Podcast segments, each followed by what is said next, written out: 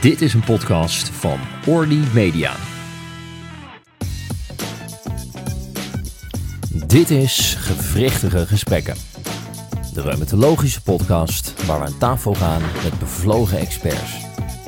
Welkom bij een nieuwe aflevering van Gewrichtige Gesprekken, de podcast voor Reumatologisch Nederland. Vandaag met Nienke Leswie en Caroline Albers. Voor deze aflevering van Gewrichtige Gesprekken spreken we met een expert op het gebied van de ziekte van Bechet en een woord dat we eerst niet zo heel goed konden uitspreken: de MHC-enopathie. Haar carrière begon in Amsterdam en in die regio woont, werkt en fietst ze nu nog steeds. Na een promotie bij de vasculaire geneeskunde werd het toch de reumatologie, ook in het Amsterdamse. En inmiddels werkt ze alweer 18 jaar als reumatoloog bij Reade, zowel in Amsterdam-West als in het Bovenij ziekenhuis, waar ze tevens plaatsvervangend opleider en HO-opleider is. Ze heeft sinds 2009 een eigen cohort van patiënten met de ziekte van Bechet. En sinds 2020 is ze de voorzitter van de Euler Study Group, Group de Euler Study Group, met een, als onderwerp MAC-enopathie. We spreken vandaag met Franktien Turkstra. Welkom Franktien. Dankjewel. Leuk om, uh, om hier te zijn. We hebben uh, nou ja, wat voorbereidend werk gedaan en uh, we zagen dat je oorspronkelijk uit Friesland komt, in Groningen hebt gestudeerd en daarna op een of andere manier in Amsterdam bent beland. Ja, dat was vanwege de liefde. Kijk, uh. Deze liefde is niet meer, tenminste, de, in, uh, ik heb inmiddels een andere partner. Um, maar dat was wel de reden om hier naartoe te komen. Ja. En je bent wel blijven hangen dus in, ja, in Amsterdam uiteindelijk. En wat, wat Caroline het ook al noemde, je bent gepromoveerd binnen de vasculaire geneeskunde. Hoe ben je dan uiteindelijk in de reumatologie terechtgekomen? Um, dat is een goede vraag. ik was uh, in opleiding. Uh, uh, nee, ik heb eerst mijn promotieonderzoek gedaan. En aansluitend mocht ik in opleiding tot internist. dat heb ik gedaan en dat was in het toenmalig Slotervaartziekenhuis in combinatie met het AMC. En gaande die opleiding ging het heel erg goed, maar nou, vond ik het af en toe een beetje breed. En een van mijn collega's hier heeft me toen heel vaak in consult gevraagd op de afdeling reumatologie. En toen dacht ik, god, dat is eigenlijk ook wel leuk. Toen bleek er een plekje te zijn in de opleiding en ben ik geswitcht. Dus je bent, je bent eigenlijk van origine internist? Ik was bijna klaar als internist. Ik heb een stukje te lang uh, over de opleiding gedaan. Uh, maar ik ben geen internist geworden. Ah, ik ben reumatoloog en dat past uh, als een goed jasje. Kijk, hey, want wij dachten zelf, want jou, jouw proefschrift, dat, dat ging ook over trombose. Dus wij dachten, wij zagen helemaal de link met Bechet, maar dat is het, zo is het niet gelopen. Dus. Nee, nee, nee, nee. Nee, er zijn wel meer uh, dingen grappig daarin. Um, er zijn ook heel veel patiënten, zeker de mensen die van oorsprong uit Turkije komen, die mijn naam echt buitengewoon grappig vinden. Oh ja? Turks, ja, tu Turkstra. Ja, ja. Misschien was het toch Misschien voorbestemd. Was, dat kan ik net zeggen. Ja. net, als, net als dat proefschrift, ik weet het niet. Uh, dingen gaan zoals ze gaan en uh, het is prima zo. En uh, we hebben ook gehoord dat je, dat je erg van het fietsen bent en op de e-bike hier naartoe komt. Klopt. Dat klopt. Kijk, en dat je ook, en dat vonden we ook wel intrigerend, je, je um, CO2-afdruk berekent. Zeker. Oh, jullie hebben echt inside information uh, gekregen, ja. Daar waren we toch even benieuwd naar hoe dat, uh, hoe, hoe dat zit en hoe je dat doet. Uh, nou ja, daar heb je websites voor. En er is een Engelstalige website uh, in het Verenigd Koninkrijk waar je uh, echt kunt invullen hoeveel kilometers je met de auto reist en of je dat alleen doet of met anderen. wat, wat voor type eten je eet, hoe vaak je met het vliegtuig gaat. En dan kun je je individuele dag waarop Earth Overshoot is uitrekenen. En de gemiddelde Earth Overshoot van dit jaar zit eind juli. Uh, en ik ben uh, uh, tevreden dat de, dat de mijne later dan eind juli is. Maar zit nog steeds met overshoot in mijn gedrag ten opzichte van wat de aarde eigenlijk aan zou kunnen. Oké, okay, dus dat kunnen we allemaal berekenen en proberen later dan het gemiddelde uit te komen. En het liefst het ja, hele ja, jaar ja, rond. Ja, ja, ja. ja. En dan, gaan we toch nog even terug naar de reumatologie. Want hoe ben je dan uiteindelijk zo in die Bechet terechtgekomen? Ook met het cohort en ja, um, Ik heb uh, tijdens mijn opleiding een stukje onderzoek meegedaan met Irene Bulting met het SLE-cohort. En uh, toen ik klaar was met de opleiding, uh, nou ja, was het duidelijk dat het uh, SLE groep mensen doorging en dat ik iets anders mocht zoeken. En nou ja, BChat en SLE hebben hetzelfde, namelijk dat het systeemziekten zijn, dat het best ingewikkelde combinaties kunnen zijn, dat je daar echt een klinicus voor moet zijn. En daar ben ik in gerold. Dat lag je dus ook, die, die combinaties zoals je het vertelt. ja. ja.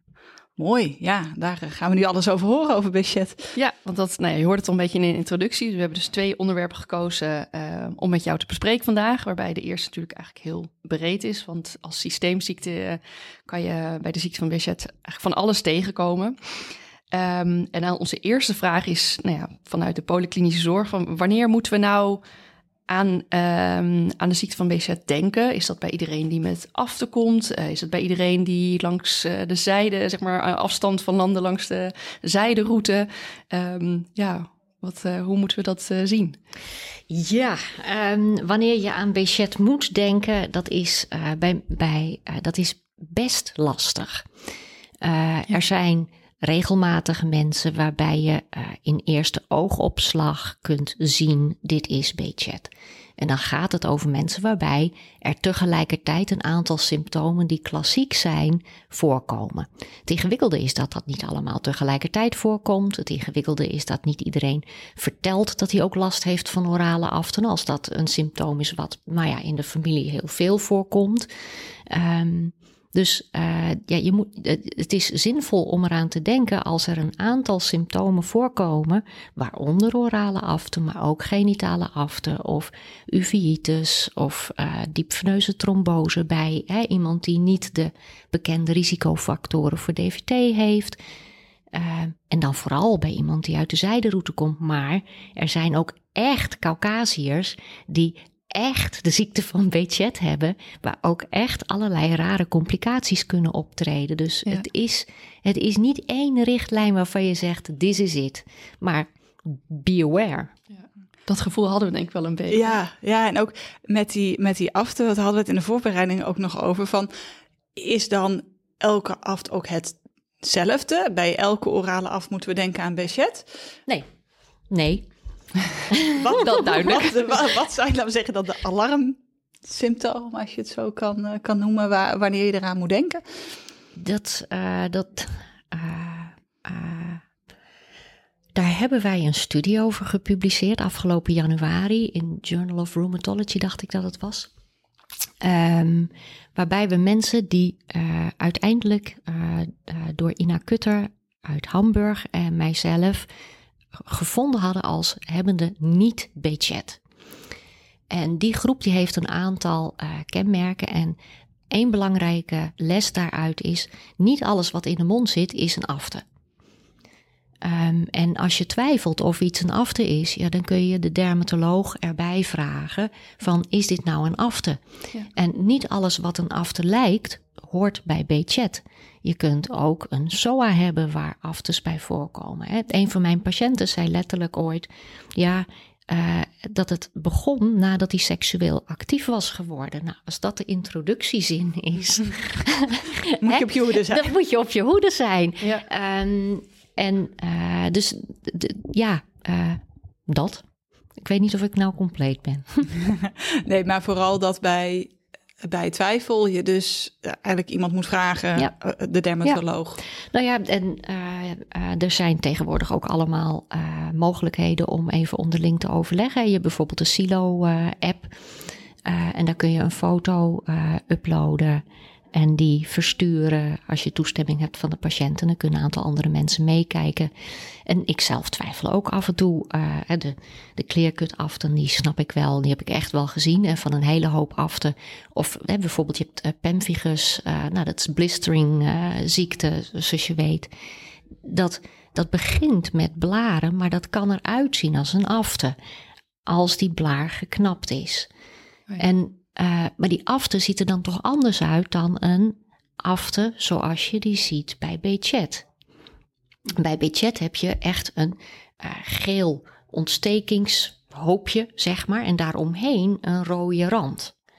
Dat is het klassieke budgetbeeld. Maar er zijn mensen met een echte budget die niet helemaal typisch voldoen aan deze aftebeschrijving zoals ik hem je nu geef.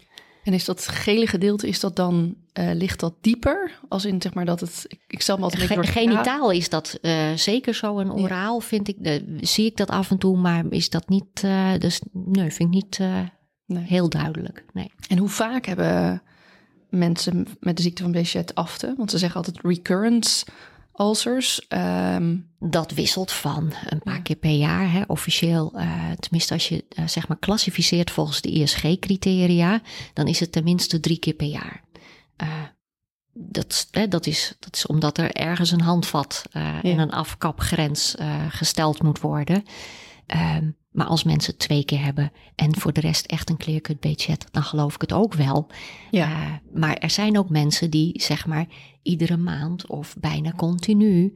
Dus het, het, het typische beeld, het, het typische verhaal van iemand die budget aan het ontwikkelen is van ja, het begon ergens in de puberteit en eerst was het een paar keer per jaar en dan wordt het steeds vaker en het wordt steeds heftiger en er komen ook grote aften bij. Dat hoeft niet, maar dat kan. Mm -hmm. uh, dus er is een soort van aanloopfase uh, waarin de ziekte uh, nou ja, zich aan het ontwikkelen is. En, en ook dan met name dat er andere symptomen, zoals dan trombose of wat dan ook, dat dat er ook dan later in dat beloop Precies. bij komt. Precies, ja. ja. Dat is het klassieke verhaal. Telt niet voor iedereen. Nee, dat, is, dat ja. is natuurlijk altijd zo met uh, een klassieke verhaal.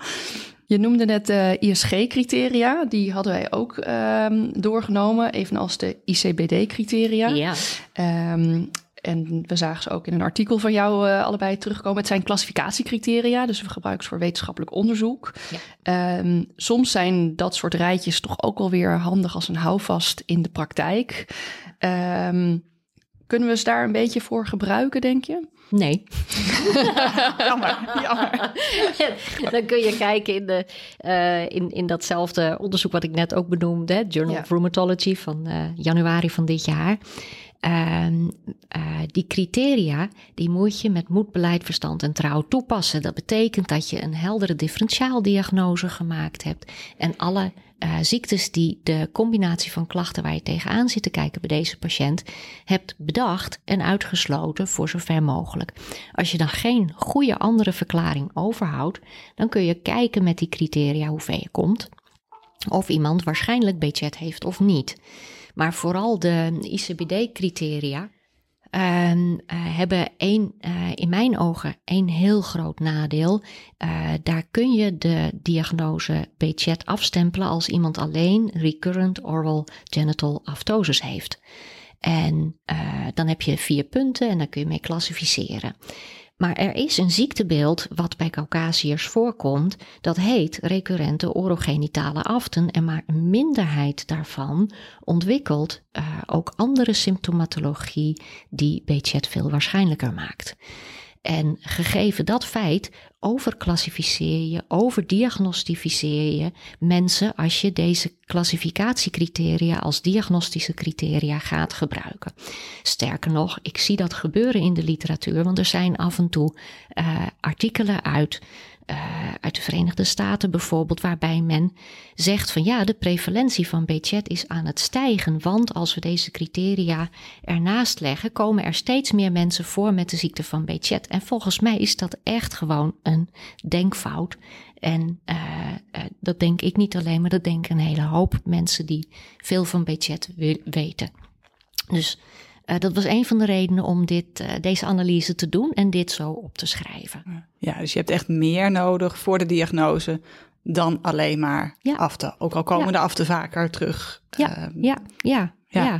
en ook als je bijvoorbeeld een, een jonge Turkse man hebt met B51 positief en orogenitale aften, dan nog steeds is het echt geen echte B-chat, wat mij betreft, die uh, zwaardere medicatie nodig heeft, tenzij er iets anders gebeurt. En vooraf kun je natuurlijk wel gaan behandelen, maar dat is niet hetzelfde als iemand het label B-chat geven.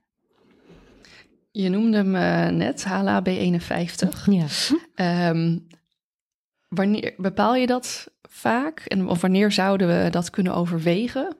Nou, uh, een van de grappige verschillen tussen uh, de Duitse dokters en uh, wat ik verwezen krijg, is dat in Duitsland de, er bijna een HLA-B51-ziekte is.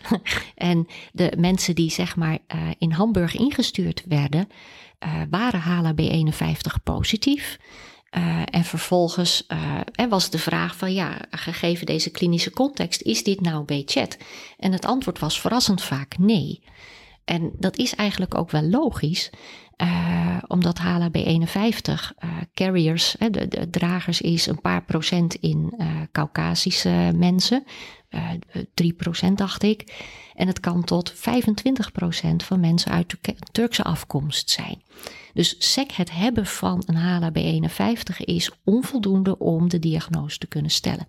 Het is wel, net als HLA-B27 bij Bechterew of ankylosing spondylitis uh, uh, uh, of axiale spa,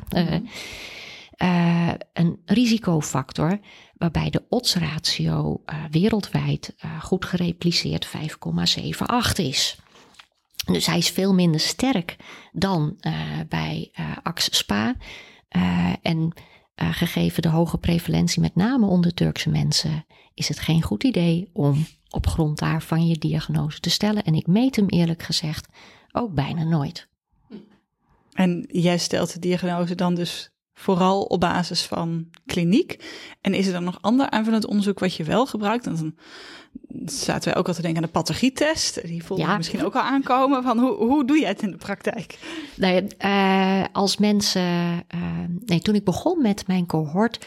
Uh, heb ik iedereen zeg maar naar de oogarts gestuurd en iedereen een pathologietest aangedaan. Hè, voor de mensen die daarin mee wilden gaan. Dat mocht van de MTC. En het is zinvol gebleken om als er tenminste twee criteria zijn om dan een pathologietest te gaan doen. Mits je geen andere verklaring hebt voor de gevonden symptomatologie.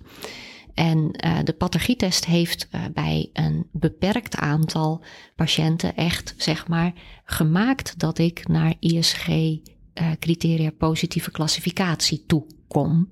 En denken van ja, het, het is het toch.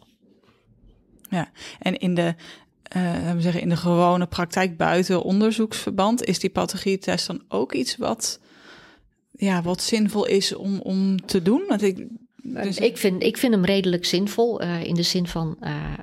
Hij is vervelend om uit te voeren, omdat je zes keer echt even moet friemelen in het sub, intracutane gedeelte van de huid. Um, maar erger dan dat is het niet. En als het wat oplevert, uh, dan is het wel, zeg maar, verstevigend voor je diagnose. Een positieve pathologie komt ook wel eens voor bij familieleden van BChet-patiënten. Dan weet je niet of ze het alsnog krijgen. En het komt ook wel eens voor bij Crohn. Hè. Dus het is niet een sine qua non, uh, uh, maar het, het helpt wel. En helpt het dan misschien Als, meer dan de HLA-B51? Nee, de HLA-B51 helpt niet. Dat is in ieder geval de duidelijke antwoord. Doe je hem zelf of vraag je het aan de dermatoloog? Nee, die doe ik zelf.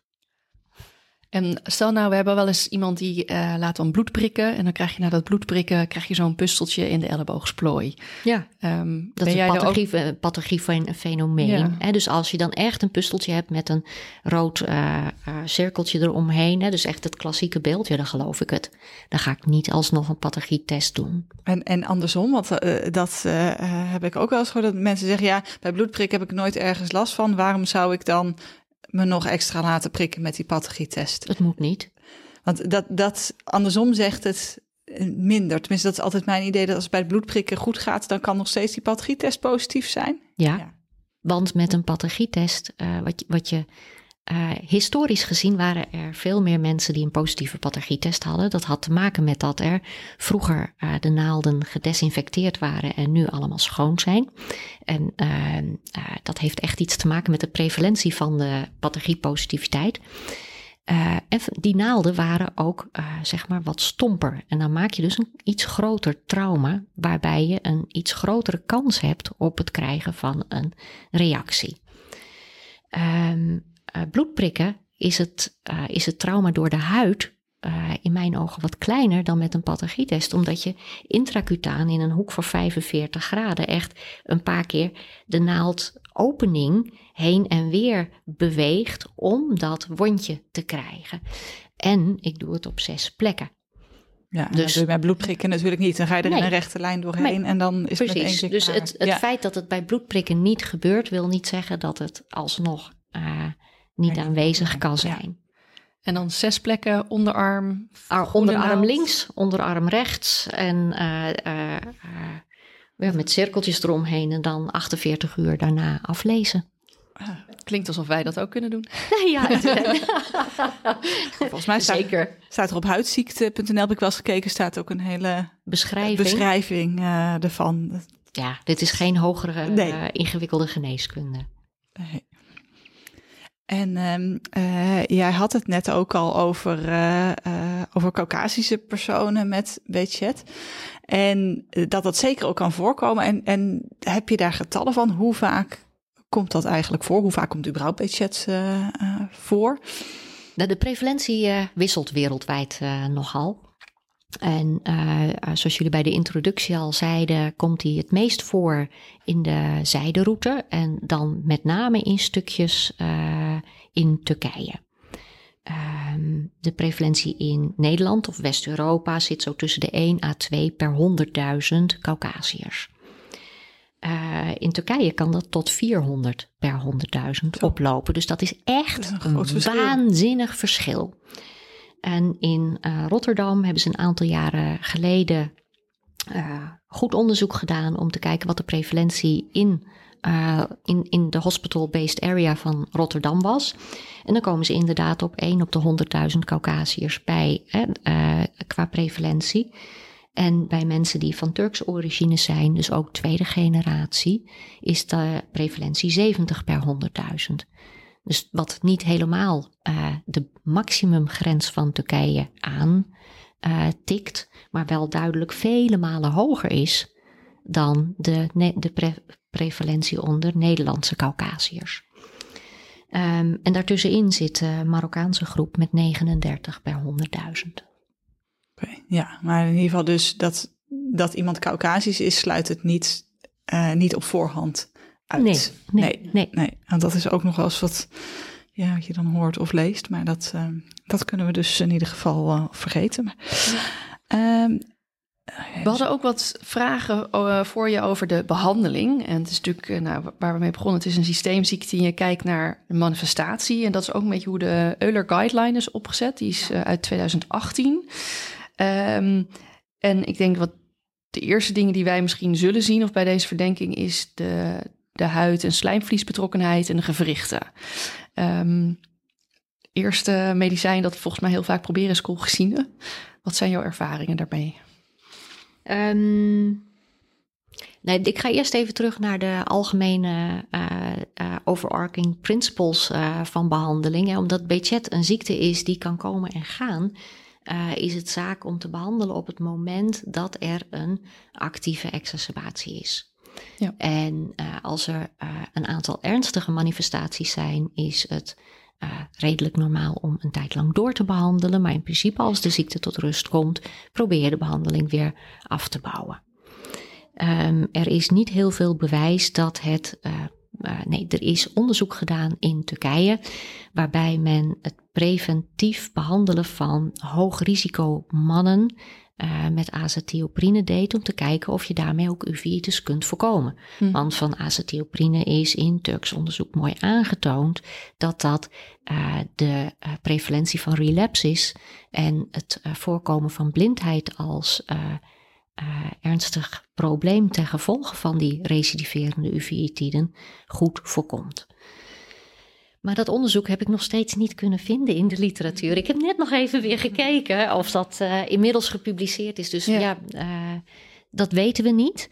Uh, dus je behandelt een manifestatie en afhankelijk van het type manifestatie is dat meer of minder agressief. Mm -hmm. En als iemand alleen huidbetrokkenheid heeft, dan is dat in principe minder ag agressief. Maar alleen huidbetrokkenheid kan wel heel erg wisselen in hoe heftig of dat is als iemand één afte een kleintje per maand heeft of de mond zodanig open heeft dat het eten, drinken en spreken niet meer mogelijk is, daar maak ik wel onderscheid in. Ja. Ehm, en uh, uh, pustuloses, hè, dus kleine pusteltjes met name op je armen en benen, is ook een manifestatie van Bechet. Maar voor de meeste mensen hoeft dat niet behandeld te worden. Maar er zijn mensen waarbij de acne zodanig overweldigend is dat ze, als het op hun billen zit, niet meer kunnen zitten. Ja. Nou, dan ga je dus wel behandelen, ook al staat er in eerste instantie terughoudendheid. Mm Dus het is echt afhankelijk van de klinische presentatie of je uh, er iets mee gaat doen. Of een patiënt er zodanig last van heeft dat je daar uh, voor wilt ingrijpen. Nou, colchicine uh, gebruikt iedereen. en ja, er zijn mensen die daar beter mee worden. Maar de mensen die bij mij terechtkomen, halen dat meestal niet. Dus dan grijpen we toch naar tweede lijns medicatie. En zoals voor de huid en als, als de mond helemaal vol zit, dat, dat het eten onmogelijk is. Wat heb je dan voor opties? Nou, er is een. de, de mooiste studie die gedaan is in Bechetland en die ook in de New England Journal of Medicine is gepubliceerd, is naar de waarde van apremilast bij mensen met orale aften als recidiverend probleem. Dus die indicatie. En um, uh, die studie is gedaan door Gulen Hatemi en uh, Yusuf Yazici en een hele hoop co-auteurs. Uh, en daarin zie je gewoon dat nou, binnen twee tot vier weken de mate van orale aften echt flink zakt. de last ervan ook. Um, maar als men het stopt, dan is het ook binnen twee weken weer terug. Dus het is niet een genezing, het is echt het rustig houden van een heel vervelend symptoom. Uh, er zijn inmiddels wel wat case series uh, verschenen, want uh, in principe is de indicatie ook gesteld voor orale afte. en het is gewoon niet duidelijk of het werkt bij zwaardere problematiek. En zeker bij ernstige problematiek zoals uveitis of DVT zou ik het echt niet doen.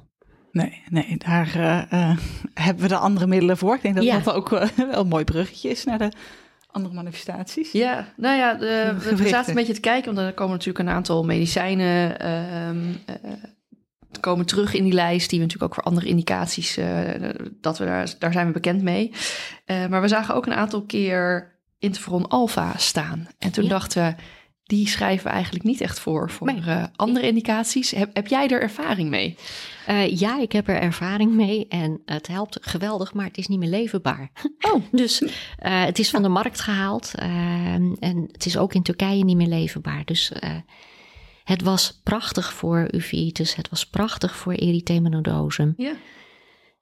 Maar het kan niet meer. Oké, dus die kunnen we eigenlijk beter uit het protocol uh, uh, ja. schrappen wat dat betreft. Nee, gegeven het feit dat uh, vorige recommendations uit 2018 zijn, verwacht ik eigenlijk in de komende jaar, twee jaar wel een nieuwe recommendations. en dat het daar weer uit is. Oké. En als we dan verder kijken naar de andere biologicals, zoals TNF-inhibitors, die mhm. hebben ook voor meerdere manifestaties wel een rol. Ja, zeker. TNF-inhibitors zijn echt een game changer geweest uh, in uh, eh, ook. Uh, er waren behoorlijk veel mensen die persisterend klachten hadden, ondanks maximale dosis acetylprine. Uh, en uh, gezien en of prednison. En ja, dat gaat echt vele, vele malen beter na toevoegen van een TNF-blokker. En de waarde van de TNF-blokker is ook wel ietsje opgeschoven, realiseerde ik mij toen ik uh, bij de voorbereiding hiervan de recommendations nog even weer nakeek. want er staat bijvoorbeeld dat bij uh, acute diepveneuze trombose het pas toegepast wordt als het recurrente diepveneuze trombose is. Nou, inmiddels uh, is hij daarin wel een stuk naar voren getrokken. Ja. ja. En, en ook, je noemde het net uveitis ook al, dat lijkt me ook een indicatie. Ja, zeker. Voor dat de, is, ja, voor de anti-DNF. Ja, zeker. Zeker als het een side-threatening uh, posterior uveitis is, waarbij je retinitis hebt, uh, cystoid macula, udeem, dat soort dingen, dan, uh, ja, dan moet je snel en hard ingrijpen. Dan misschien als voorkeur gewoon meteen TNF-inhibitie boven ASA. Er is, ehm, nou ja, ik, ik voeg wel altijd azethioprine toe, omdat eh, zeker uh, Humira en Infliximab uh, antidrug antibodies kunnen geven. En het manuscript waar we nu mee bezig zijn, is dat bij, dat, dat ook bij BChat kan optreden. Dat was in eerste instantie niet zo heel erg duidelijk, maar ik heb een aantal mensen die ondanks adequate behandeling toch een flare kregen. Ja, en dan ging ik meten of er nog spiegel was. En dan was er onvoldoende spiegel. En daaruit uh, heb ik een paar lessen proberen te trekken. Oh ja. En zijn dan ook uh, infliximab en adalimumab de twee anti-TNF die, uh, die je dan gebruikt bij de bedchat? Ja, die zijn geïndiceerd. Hè, dus die mag je voorschrijven. Die staat ook in, zeg maar in, in je pop-down menu bij de biologicals. En dat is echt alleen die twee. En ik heb op een goed moment een, uh, uh, voor iemand uh, wilde ik sertolizumab geven. En had keurig in de brief naar de verzekeraar aangegeven waarom ik dat wilde. En wat we allemaal wel en wat we niet wisten. Toen kreeg ik terug te horen van de verzekeraar dat het er niet voor geïndiceerd was. Toen dacht ik, ja, dat wist ik. Daarvoor schreef je de brief niet Daarvoor schreef ik de brief niet, nee. nee. Dat is lastig, ja. En uh, je noemde net al uh, DVT ook als, uh, als uiting. Ja. En dat, dat we daar dus ook de anti-TNF voor kunnen gebruiken. En antistolling. Ja, nee, kijk, de uh, pathogenese van uh, een trombosebeen uh, bij mensen met BChat is echt anders dan de pathogenese van een idiopathische trombose of eentje die je ziet na een operatie of na een vliegtuigreis, et cetera. De stolsels zelf zien er ook echt anders uit. Um, bij BChat is er echt heftige inflammatie van het endotheel waarbij de neutrofiele zuurstofradicalen produceren, waardoor het fibrinogeen verandert van karakter en veel steviger is en vastgeklont zit aan de uh, venen. Dus je, uh, je ziet ook eigenlijk geen longembolieën. Als je problemen ziet in de longen, dan zijn dat de novo problemen in de longen en die komen eigenlijk niet uit de benen.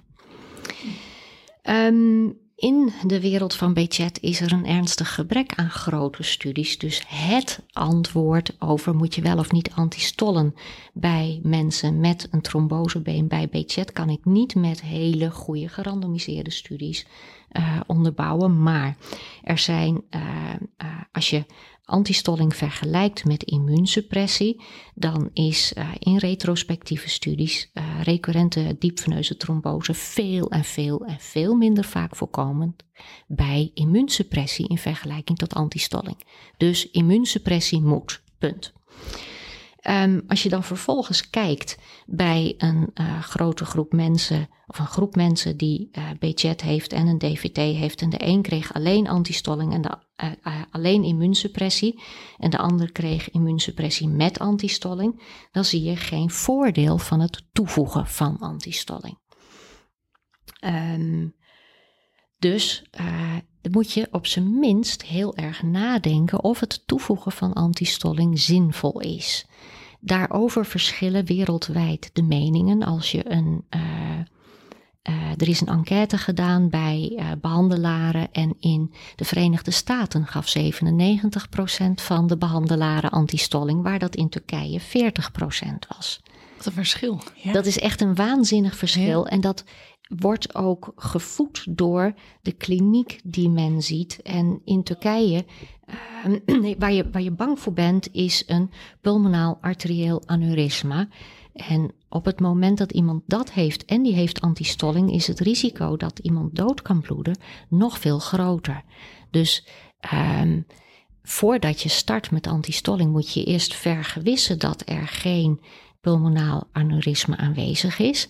Maar als je dat gedaan hebt, dan moet je vervolgens weten dat zoiets als de BChat actief is en het ontwikkelt zich, het kan zich in een paar weken ontwikkelen. Dus het feit dat jij het vooraf bekeken hebt dat het er niet is, wil niet zeggen dat dat niet gaat komt. komen. En dat moet je dus afwegen. En ik ben uh, in essentie zeer terughoudend uh, met antistolling en uh, krijg daarbij regelmatig eh, van mijn patiënten terug. Ja, maar dokter die en die heeft toch weer antistolling voorgeschreven. Ja. Ehm, ja, die reflex zit er natuurlijk zo in. Die reflex zit er heel diep in. En ik snap de reflex. Maar ik denk niet dat het een goede is en dat je echt een individu op zijn minst een individuele afweging moet maken.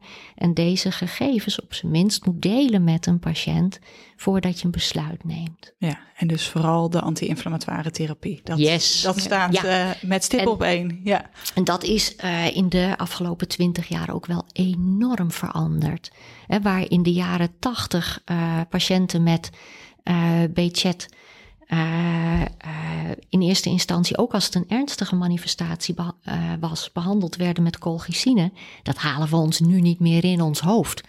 En ehm, bijvoorbeeld die pulmonale arteriële aneurysmata, daar kun je echt dood aan gaan. En als je kijkt naar grote cohorten met lange termijn follow-up data, is het risico om dood te gaan ook vele malen lager bij dit soort ernstige manifestaties in de cohorten die van recentere oorsprong zijn. En dat heeft alles te maken met de immuunsuppressie die uh, keihard ingeschoten wordt. Quick for. Voordat we verder gaan, want we, we, kunnen denk ik nog heel veel vragen blijven stellen over deze ziekte, hebben we een, uh, een paar vragen uh, voor je als, als intermezzo. Allereerst, wat is je grote passie? Uh, uh, naast mijn werk is mijn grote passie zingen. en jullie wisten dat. Dat wisten wij, dat wisten wij. Dat hadden we gehoord inderdaad. Daar komen we misschien zo meteen nog wel even op, uh, komen op nog terug. Op terug. Um, weer een andere vraag. Wat zou je doen als je geen reumatoloog was geworden? die vraag die heb ik mijzelf ook wel eens gesteld en ik weet het niet. Ik wist namelijk, uh, ik weet pas sinds ik uh, 40 ben geworden dat ik muzikaal ben. Dus uh, misschien had ik wel zangeres willen worden. eh, maar ja, dan had ik het eerder moeten weten. um, terug in de tijd. Als je jezelf op de eerste dag van de opleiding, en dan moet je maar even kijken of je de interne of de reuma kiest. Als je zelf op die dag een advies kon geven, wat zou dat dan zijn? Take it easy. Hele mooie. Um, nou, je hebt misschien het antwoord al een beetje gegeven, maar wat is de belangrijkste verandering binnen de reumatologie, binnen jouw carrière tot nu toe? Hele verbaasde blikken. Ik heb. Uh, nou ja, er zijn, er zijn een flink aantal uh, belangrijke veranderingen. En een daarvan is het uh, meer een uitgebreider begrijpen van wat er gaande is, waardoor er uh, biologicals gegeven kunnen worden. Misschien is dat wel wat jullie bedoelden. ja. De tweede verandering die ik uh, uh, hier ook in Reade heb meegekregen is de waarde van lifestyle, die veel groter is dan ik in eerste instantie gedacht had toen ik bezig was met mijn opleiding. En de winst die je kan boeken bij mensen met lifestyle en dan niet alleen dieet, maar ook voldoende bewegen en ook voldoende rust uh, is groter dan ik uh, had durven dromen. En dat is misschien ook nog wel iets waar we natuurlijk de komende jaren nog veel meer over gaan, uh, gaan horen. Um, wij gaan weer terug naar de, nog een stukje B-chat voordat we overgaan naar de MHC1-opathieën. Um, want als je de, de B-chat-patiënten hoe doe jij het vervolg, de monitoring? Waar let je op? Uh, bijvoorbeeld zo'n uh, dat aneurysma waar je het net over had. Um, hoe gaat dat in de praktijk? Ik begin met vragen, alle BZ-gerelateerde symptomen, hè, of dat wel of niet actief is. kijk lichamelijk na, met name of er huidactiviteit is. Veel mensen weten het, maar er zijn ook mensen die niet heel uh, duidelijk contact hebben met hun lijf en niet zo goed kunnen vertellen of er wel of niet uh, pustels zijn, et cetera. En uh, dan doe ik laboratoriumonderzoek en dan kijk ik of er wel of geen inflammatie is. Er is niet één test waarvan je zegt van dit, dit is de test. Nee. Het is echt een klinische combinatie. Ja, in essentie ook misschien niet heel veel anders dan de andere ziektebeelden nee. die we, uh, nee, wat we natuurlijk precies. zien. En qua follow-up frequentie, uiteraard afhankelijk van hoe actief iemand Ja, ziekte is. Precies, dat hangt, dat hangt er heel sterk vanaf eh of de ziekte actief is en of ik medicatie-stappen wil zetten. ehm, of iemand dat goed zelf uit kan voeren of dat daar meer begeleiding bij nodig is. Eh, dat wisselt. En eh, eh, je noemde net ook al een paar keer het cohort wat je, eh, wat je hier hebt. Is ehm, dat ook nog een reden voor de mensen uit het land om patiënten specifiek ook naar hier te verwijzen voor in jouw cohort? Of vind je überhaupt dat eigenlijk mensen met budget in een expertisecentrum zoals Reade thuis horen? Ehm nou, kijk, we, ehm, ik ben geen expertisecentrum. Ik ben een dokter met expertise in budget. Ehm, en ik denk wel dat ik echt iets kan toevoegen regelmatig ten opzichte van uh, reumatologen die het veel minder vaak zien. Uh, ik kan het onderscheid, is het wel of geen budget, met wat meer zekerheid maken dan veel andere mensen. Um, en ik heb wat meer klinische gut feeling ontwikkeld uh, door dit zoveel jaren te doen. Waardoor ik wat makkelijker kan managen. Ja, dus bij, dus bij, als, bij, bij, bij ja. vragen, bij twijfel, dan ja. wil je graag helpen. Um, en, en inderdaad, uh, mensen met een uh, uh, echt actieve B-chat, ik zie ze graag. maar ja, ik wil, het is niet mijn bedoeling om mensen over te nemen, weg te kapen. Dus, Soms is input denk ik heel fijn. Dus ja, dan, juist bij zo'n ziekte ja. die we niet, uh, niet dagelijks zien. Tenminste, de nee. meeste van ons ja. natuurlijk niet. En, en um, uh, nog terug ook weer naar de behandeling. Is er ook ruimte voor afbouw van medicatie of voor stoppen van medicatie? Ja, gegeven de waxing en waning course is die ruimte er zeker. Uh, en het hangt ervan af hoe ernstig of de initiële manifestatie is, met welke snelheid je durft en doet. En, met, en hoe ver je gaat afbouwen. Want als je iemand hebt die blind is geworden of een fors verminderd visus heeft aan één oog ten gevolge van doorgemaakte uveitis, dan is mijn drempel om helemaal af te gaan bouwen wel enorm hoog. Ten opzichte van iemand die eenmalig een uveitis heeft gehad en ach, dat, de rest is ook rustig. Um, ja. Is ook weer afhankelijk van de manifestaties. Ja, ja, ja. ja. En nou is er op groepsniveau uh, nog wel, uh, zeg maar, bij de uh, manifestaties die zeg maar klassiek horen bij B-chatten, dus dat zijn de orogenitale aften en de uveitis, um, die zijn erger naarmate bij mensen die HLA-B51 positief zijn. En die zijn erger bij mannen. Daar zie je ook meer schade. Um, dus uh, misschien dat ik op zo'n moment af en toe dan toch een B51 prik, maar dat is vanuit een andere klinische context. Ja, dan... voor prognose en niet voor diagnose. Precies, ja. precies. Ja, en dan als het ook nog een man is, dan ben je nog een beetje voorzichtiger in ja, het mindere. Ja. Ja. Um, ja, dan denk ik dat we het maar eens moeten gaan hebben over de MHC1-opathie. Um, en we wilden het maar echt voor dummies doen, want uh, voor ons was dit ook al een vrij nieuwe uh, term. Dus kun je ons eerst uitleggen wat is het überhaupt? Ja, uh, ik vind MHC-enopathie een woord om over te uh, struikelen. Wij ook. En uh, in, in dagelijks taalgebruik heb ik het liever over klasse 1 ziekte, waarbij de klasse 1 slaat op MHC1 en ziekte nou ja, op de context.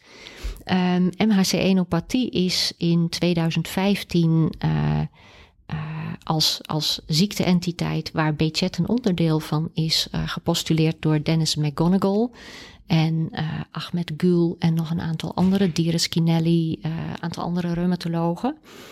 En die hebben op dat moment gekeken in hoeverre BChat hoort bij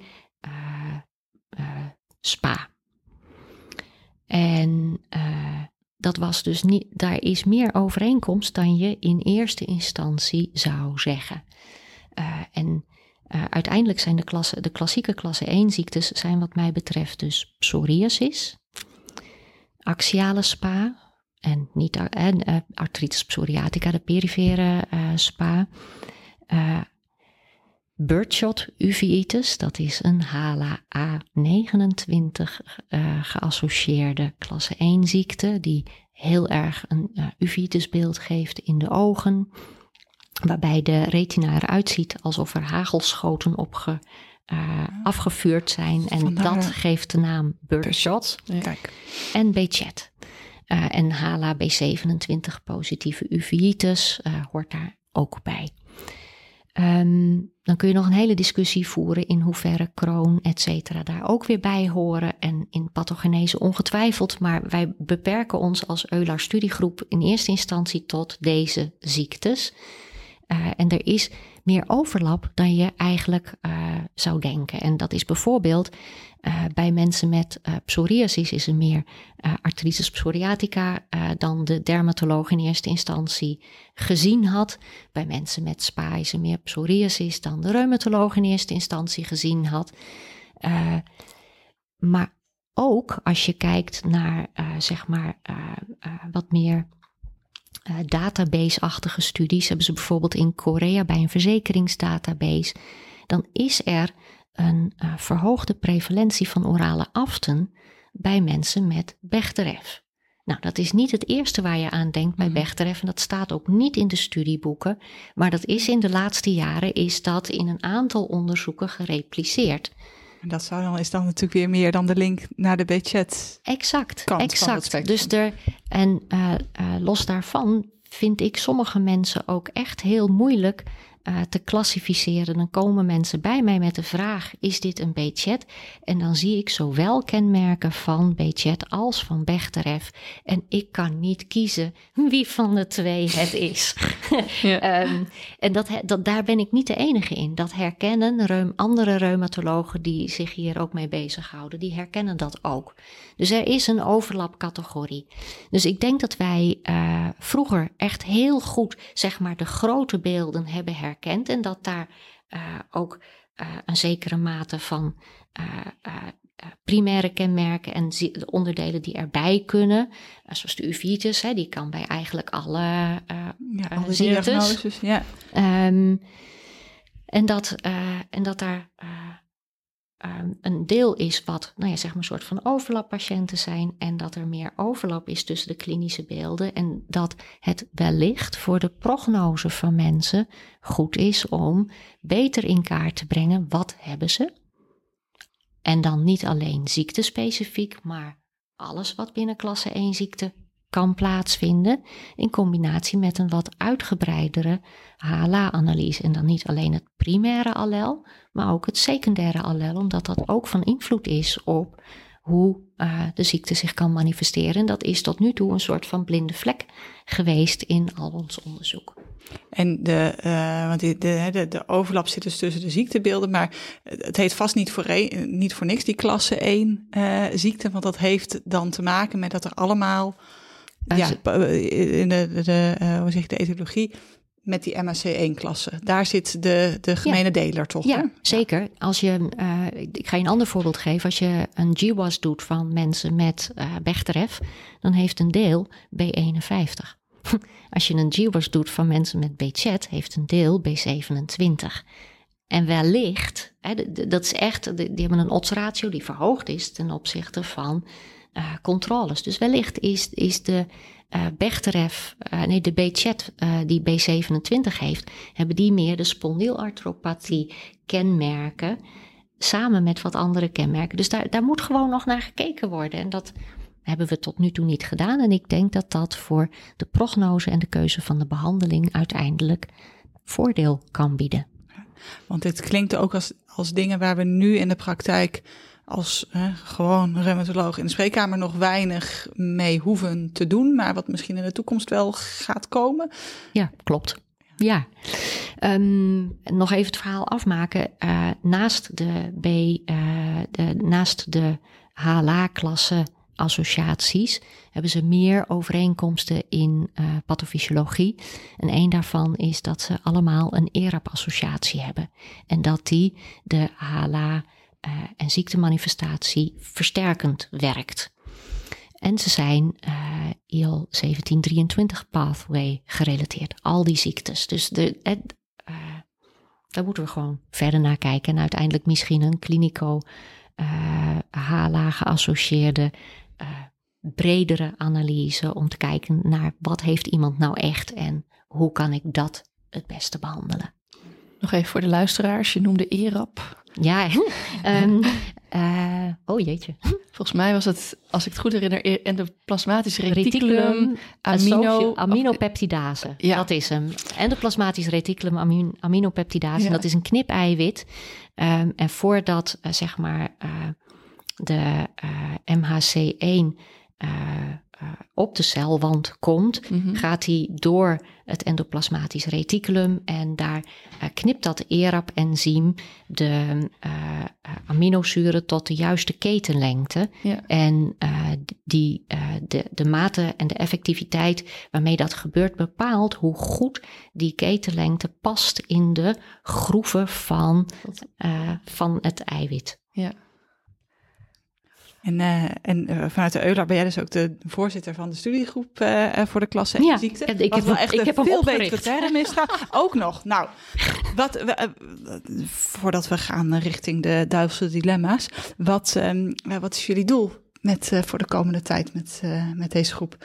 Um, uh, uiteindelijk is het doel om te komen tot een grote studie, zoals ik je net in hoofdlijnen heb ja. genoemd. En daar zijn we nu een aantal voorbereidende dingen voor aan het doen. maar uiteindelijk willen we dit oplossen. Duivelse dilemma's. Ja, dan gaan we over naar uh, uh, ons laatste uh, stukje, de duivelse dilemma's. En die zijn een verrassing voor jou als het goed is. Um, ja, je moet kiezen bij elke vraag. En de eerste is alleen de ziekte van Bechet of alleen MHC-enopathie? Bechet. Een andere. Een dag niet gelachen of een dag niet gezongen? dat is een uitspraak die vonden wij van jou, want die staat uh, op jouw profiel. Ja, ja. Um, Dan een dag niet gelachen. Dat, dat, uh, ik, ik zing wel eens een dag niet. Het komt voor.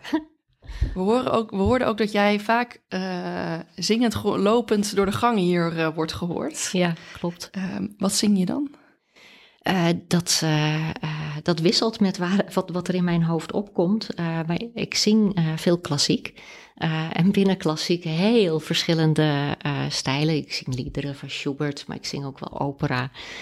Um, ik zing ook wel wat lichter werk. Somewhere Over the Rainbow bijvoorbeeld. Um, of liederen van Kurt Weill. dus het wisselt. Kijk, een heel breed repertoire, als ja, ik het zo we moeten, hoor. We moeten nog een zangpodcast dus opnemen, hoor ik, uh, ja. uh, hoor ik al. je krijgt nog een keuze. Uh, reade of bovenei? Reade. En dan zou ik het bovenei vreselijk missen, uh, omdat ik daar zeg maar consulten kan doen bij opgenomen patiënten. Dat kan ik hier niet, maar uh, reade vanwege de collega-groep. Een elektrische auto of een elektrische fiets? Ik heb allebei. Je moet er eentje wegdoen. Welke hou je over? Uh, uh, dan hou ik de fiets over. We hebben in huis de discussie gehad of we de auto wel of niet uh, weg zouden doen. En we houden hem. nou, dan, dan heb je de duivelse dilemma's gehad. Um, heb jij nog een take-home message, boodschap aan de luisteraars... wat ze niet mogen vergeten over Bechet en de klasse 1 ziekte? Weet je, die had ik niet bedacht. nou ja, denk, denk breed, bekijk je differentiaaldiagnose. Ja. Daar begint het mee. En overleg als je, het, uh, als je twijfelt. Dat lijkt me een hele mooie afsluiting. Dan uh, zijn we aan het einde gekomen van deze aflevering. Dankjewel Frank Tien. En dankjewel aan de luisteraars. En tot de volgende aflevering. Oké, okay, dag. Bedankt voor het luisteren naar gewrichtige gesprekken. Graag tot een volgende aflevering. Dit is een podcast van Orly Media.